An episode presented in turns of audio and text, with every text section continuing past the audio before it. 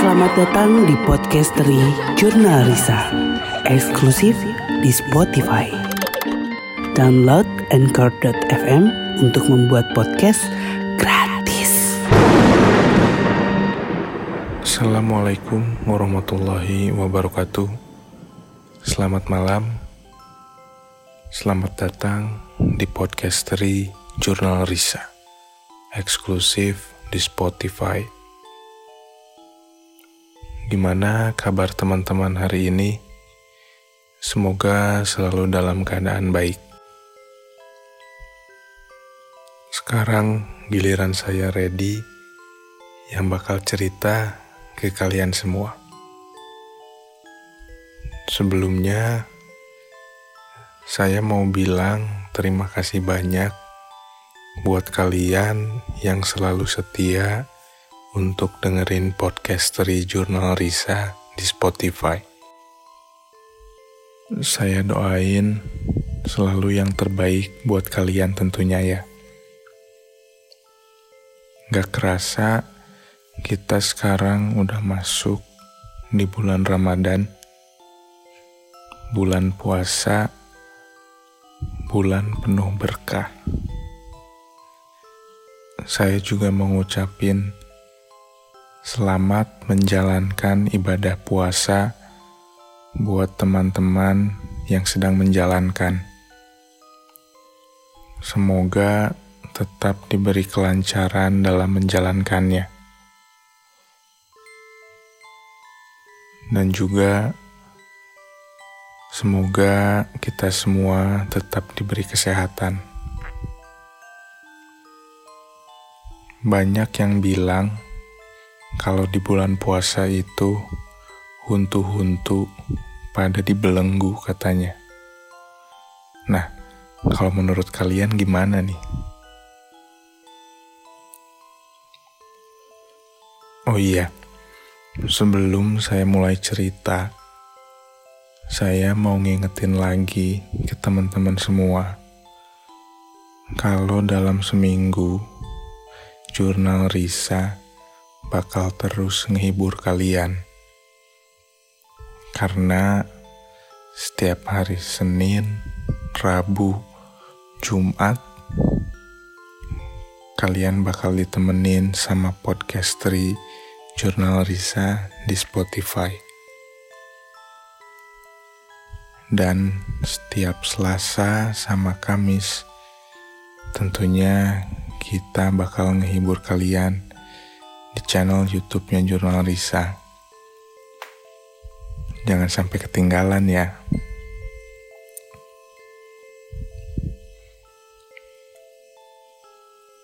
Cerita yang bakal saya bagi ke kalian semua malam ini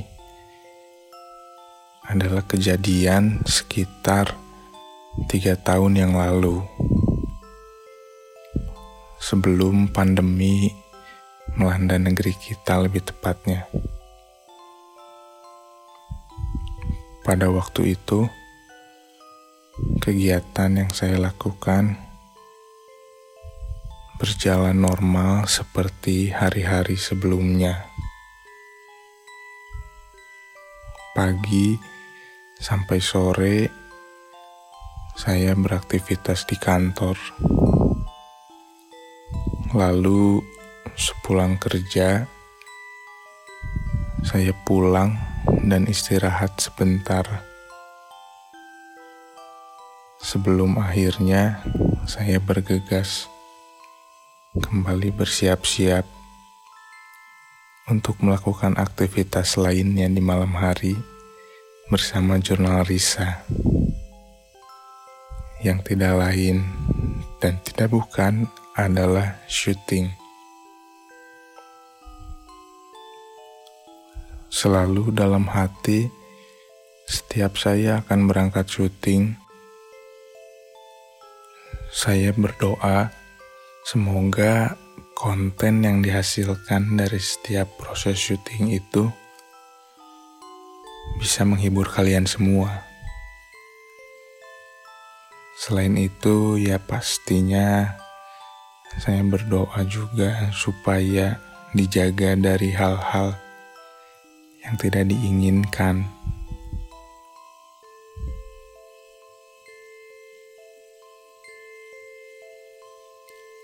Yang menarik dari syuting kala itu adalah lokasi yang kami datangi itu sedikit merepresentasikan cerita yang sedang viral pada waktu itu. Ada yang tahu nggak cerita apa yang waktu itu sempat viral? Coba kalian ingat-ingat. Jadi, lokasi yang kami datangi itu bisa dibilang sebuah wilayah pedesaan cukup padat penduduknya. Masih di kota Bandung, tapi lokasinya itu agak naik ke atas. Berada di kaki salah satu gunung yang mengelilingi kota Bandung. Begitu sampai di lokasi, seperti biasa, kami tim behind the scenes berkeliling untuk melihat kira-kira di mana saja spot yang pas untuk kami lakukan penelusuran. Waktu itu kami didampingi oleh salah satu warga sekitar. Sambil berkeliling, beliau bercerita kepada kami tentang kejadian apa saja yang suka dialami oleh warga di sana.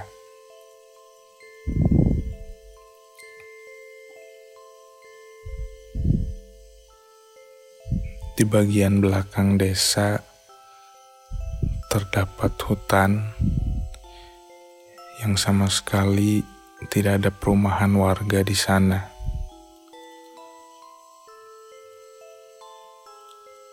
Lokasi hutan tersebut dipisahkan oleh sebuah sungai yang cukup besar.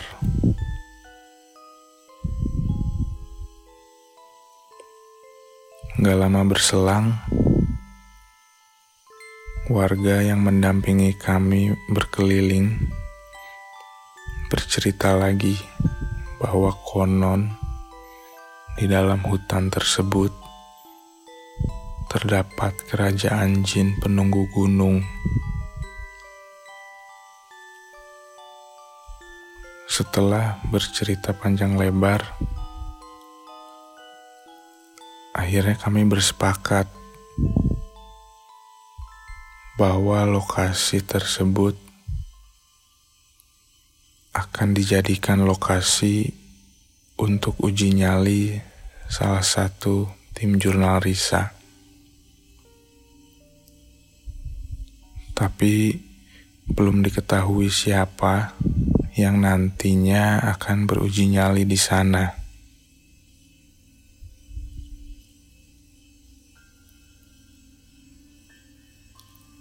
Akhirnya, saya dan teman-teman behind the scenes lainnya kembali ke depan tempat kami semua berkumpul.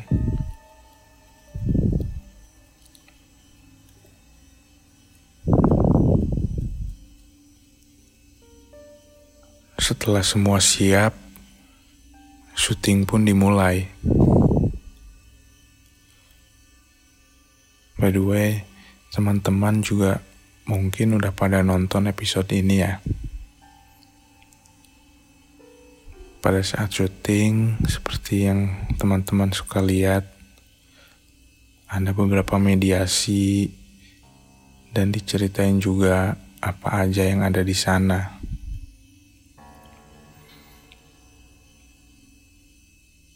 Begitu sampai di ujung episode,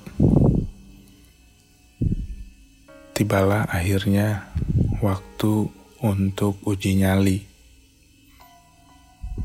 Dan Ternyata yang kebagian untuk beruji nyali itu adalah saya. Berani nggak berani sih sebenarnya. Ditambah karena ini tuh udah di ujung syuting, jadi otomatis kita udah tahu kan apa aja yang ada di sana.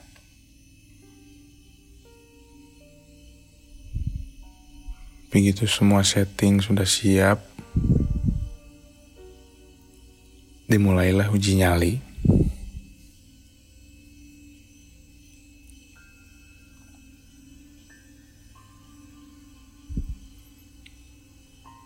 sebuah pengalaman yang benar-benar gak bisa dilupain seumur hidup. Berada sendirian di tengah hutan yang gelap, dikelilingi banyak pohon besar.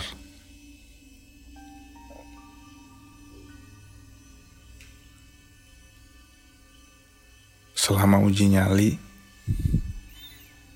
saya nggak berani ngelihat ke satu sisi lama-lama. Yang saya rasain tuh dari arah belakang saya kayak ada orang lebih dari satu yang ngeliatin ke arah saya. Sesekali saya coba lihat ke arah belakang, tapi nggak ada apa-apa. Dalam hati, saya bicara, semoga nggak ada yang nampakin diri.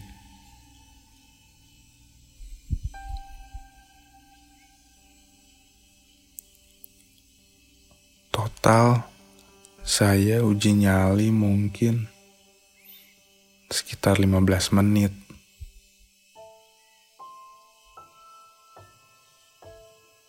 Tapi yang saya rasain tuh kayak udah berjam-jam di sana. Jantung udah berdegup kencang gak karuan. Sampai puncaknya Ada yang lempar-lempar kerikil ke arah saya berkali-kali.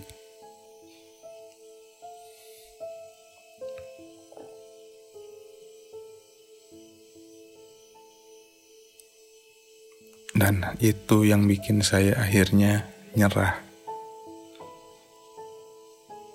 Mungkin teman-teman kalau penasaran bisa dilihat lagi episode itu.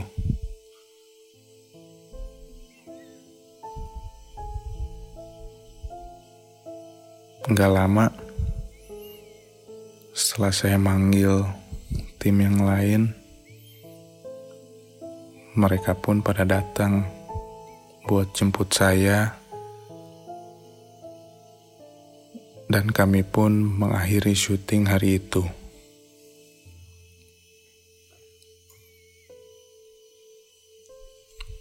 Selama syuting tuh benar-benar fisik dan mental saya dikuras. Terlebih waktu uji nyali.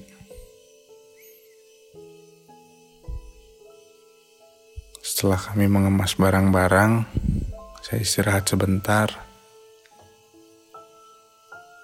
Lalu kami pun pamitan untuk pulang ke rumah masing-masing.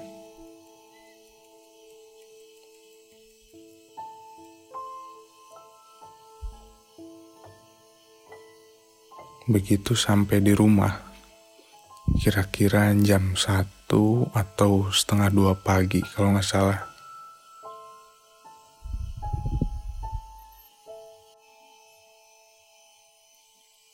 Saya langsung mandi supaya tidurnya lebih nyenyak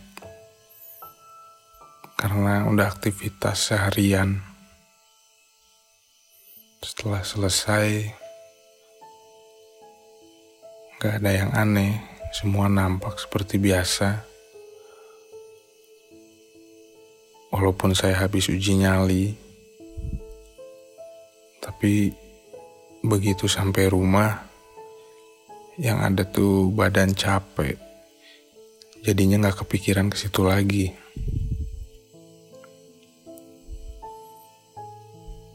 Saya masuk kamar, langsung rebahan di kasur.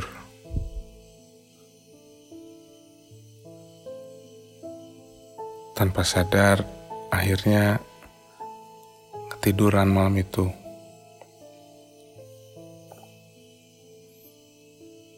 Entah udah berapa lama saya tidur. Tiba-tiba saya kebangun dengan kondisi belakang leher sampai punggung tuh kerasa panas banget. Akhirnya saya coba nyalain kipas angin. Berharap supaya jadi lebih adem. Dan coba buat tidur lagi. Tapi nggak lama saya kebangun lagi. Entah kenapa rasanya kayak gelisah. Mungkin tiga sampai empat kali saya kebangun di malam itu.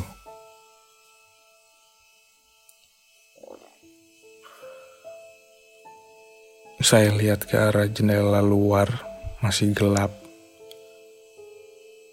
Artinya tidur saya belum lama.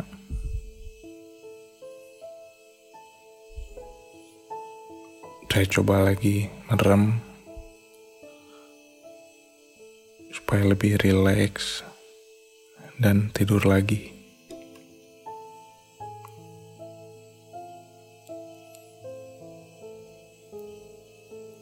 Tiba-tiba malam itu saya mimpi tapi rasanya kayak bener-bener nyata kejadian beneran. Di dalam mimpi itu saya ketemu perempuan nggak begitu muda tapi nggak begitu tua juga. Pakaian yang dipakai itu mirip kayak daster tapi sangat lusuh. Mukanya pucat. Rambutnya panjang, agak berantakan.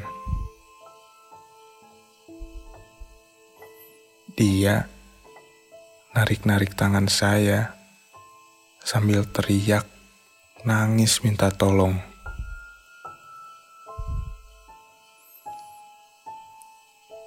Di dalam mimpi,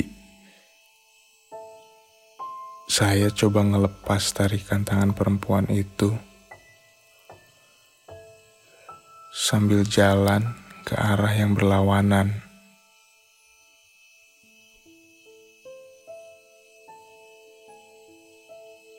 Gak lama berselang,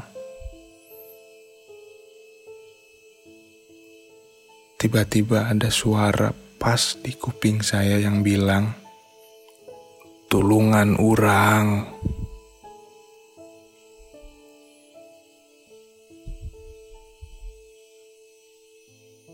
Refleks, saya langsung kebangun dengan kondisi badan keringetan. Padahal malam itu nggak panas-panas amat.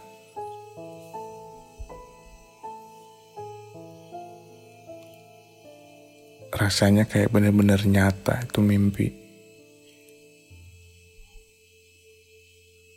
Posisi saya tidur itu saya ngadep ke arah jendela.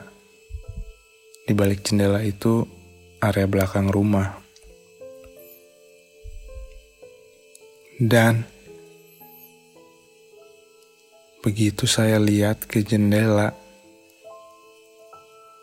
ada sosok perempuan pakai baju putih, diem di luar, tepat di depan jendela kamar. Posisinya berdiri nyamping. Kelihatan jelas itu sosoknya.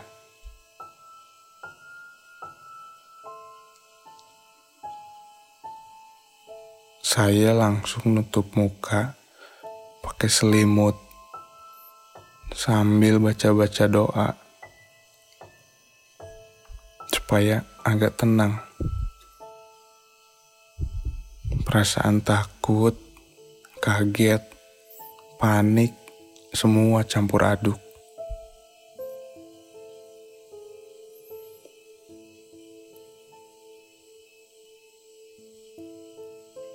Saya terus baca-baca doa sampai akhirnya perasaan takut mulai hilang,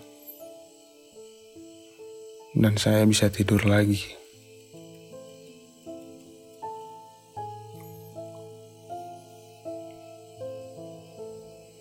Besok paginya, begitu saya bangun, saya dengar suara saudara saya lagi ngobrol sama bapak.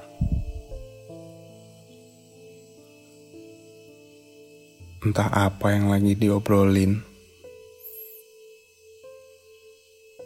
Tapi kedengarannya kayak obrolan yang serius.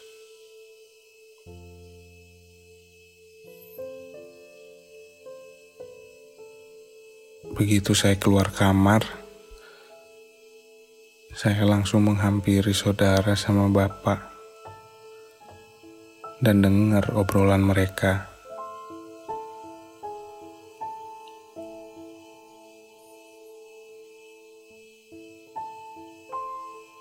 Dari situ saya tahu kalau saudara saya semalam ngalamin kejadian yang hampir mirip seperti yang saya alami.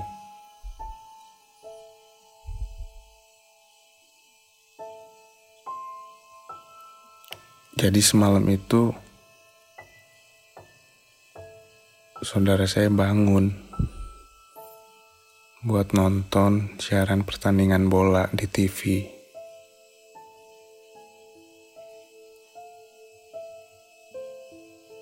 Dia nonton di ruang TV.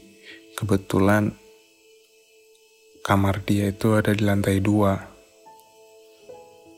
Dan ruang TV ada di bawah.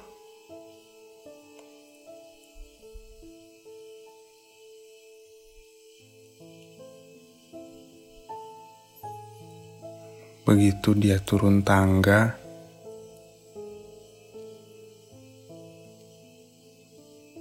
jadi posisi tangga itu depannya ada dinding kaca yang langsung ngadep ke area belakang rumah. Dan dinding kaca itu nggak ada tirai apa pun, jadi dari dalam bisa langsung lihat ke arah luar.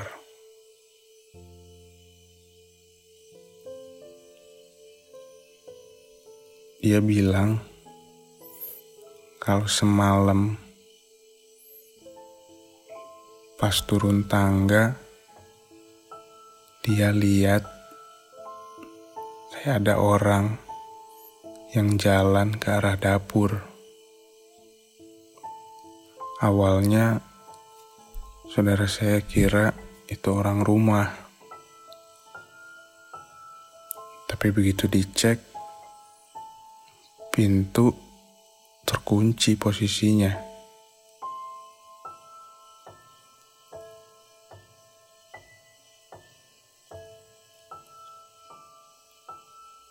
Dia nggak begitu fokus ke situ. Akhirnya dia langsung ke arah TV untuk nonton.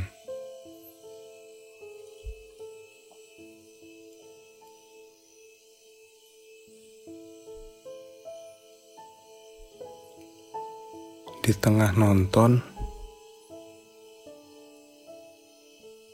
dia mau naik ke atas ke kamarnya buat ngambil handphone. Waktu jalan, pas di depan dinding kaca itu, dia lihat ada perempuan diem di depan kaca ngadep ke arah dia. Saudara saya diem sebentar buat mastiin siapa itu. Waktu udah dipastiin, ternyata itu bukan anggota keluarga kami. dan dia langsung lari ke atas dan gak turun lagi malam itu.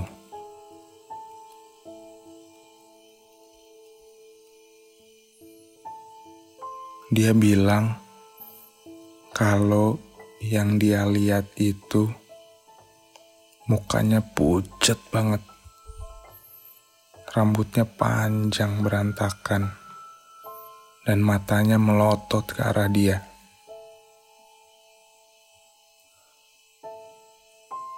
Waktu pagi itu dia nyeritain, saya lihat badannya gemeteran. Mungkin dia masih ngerasa takut, masih kebayang apa yang semalam dialamin.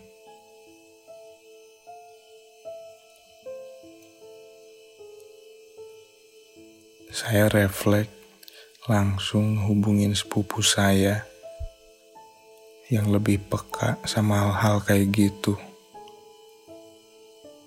Buat nanyain siapa yang semalam gangguin kami.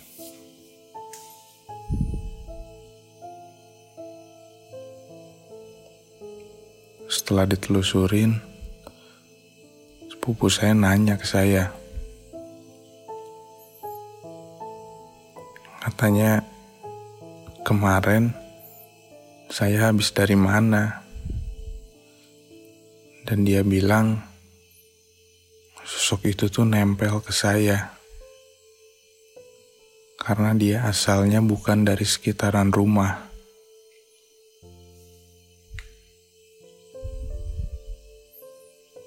Dan ternyata sosok itu ikut saya dari lokasi syuting kemarin.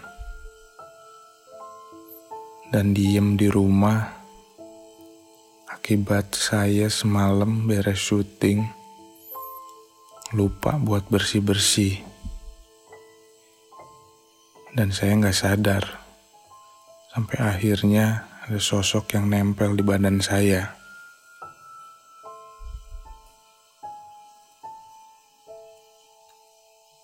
Setelah kejadian itu, setiap saya pulang syuting penelusuran jurnal Risa,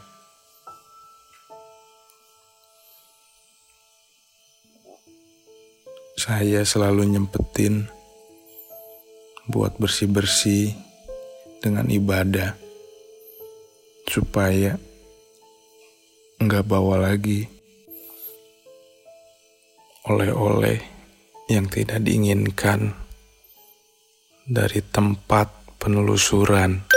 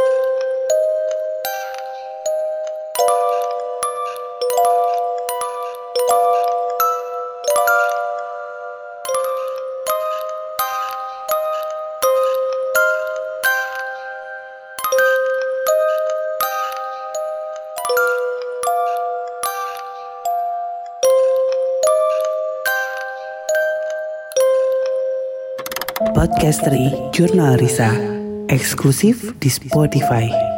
Download Anchor.fm untuk membuat podcast gratis.